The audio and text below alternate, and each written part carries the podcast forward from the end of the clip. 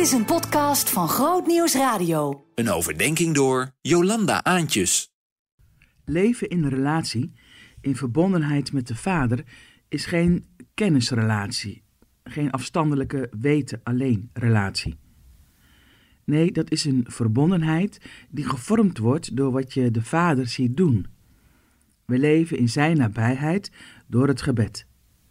We zijn bij Hem, krijgen steeds meer oog voor Zijn werkwijze, zijn doen en laten. Krijgen steeds meer oog voor Zijn spreken en zwijgen. Met als gevolg dat je Hem steeds meer gaat nadoen. Zoals een kind, dat zie je wel eens, goed kijkt naar papa en mama en dan die gaat nadoen. Hoe die loopt, hoe die zit. Loopt papa met handen op de rug, dan loopt het kind erachter met de handen op de rug. Leren door te volgen. Wat dat werk van God inhoudt, komt naar voren in het de bede: Laat uw koninkrijk komen en uw wil worden gedaan op aarde zoals in de hemel. Daar klinkt in door dat het leven met God dus niet alleen gaat om de hemel. We leven niet alleen, we zijn niet alleen christenen om in de hemel te komen. Geloven is niet alleen het toegangsbewijs voor later. Nee dus. De komst van Gods koninkrijk is ook dat Gods wil op aarde wordt gedaan. Hoe het in de hemel eraan toe gaat, zo hoort het ook op de aarde te gaan. Vandaag, morgen, iedere dag, want daar is het koninkrijk van God. Daar is Gods nieuwe wereld. Daar zien we al de, een kleine afspiegeling ervan. Dat is daar waar Gods wil wordt gedaan. Daar wordt God zichtbaar onder mensen, in je omgeving.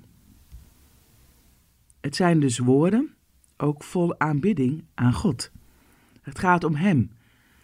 En tegelijk zeggen we ook: gebruik ons, leer ons om uw wil op aarde te doen, om uw glorie op aarde te weerspiegelen. Wat is die wil van God dan? Nou, Jezus zegt het onder andere in Lucas 4, de versen 18 en 19. Om aan armen het goede nieuws te brengen, heeft Hij mij gezonden.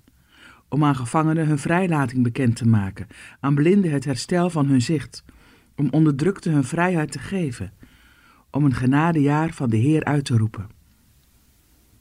Voordat Jezus deze koninkrijksspeech houdt, heeft de Satan geprobeerd hem te laten buigen voor zijn macht en wil. Maar dat is niet Gods koningschap.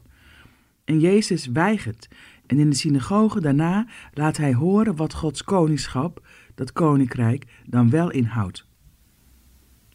Het is het doen van, van de bergreden, het brengen van recht, barmhartigheid, genezing, vrijheid, verlossing.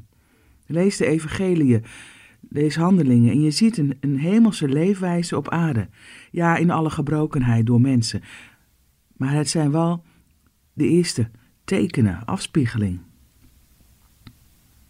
Wanneer wij bidden om dat koninkrijk van God op aarde, dan is het dus aan ons om vanuit Gods liefde, vanuit die geborgenheid, hier op aarde, jij in jouw dorp, houd maar gewoon klein, stad, huis, werk, ermee bezig te zijn.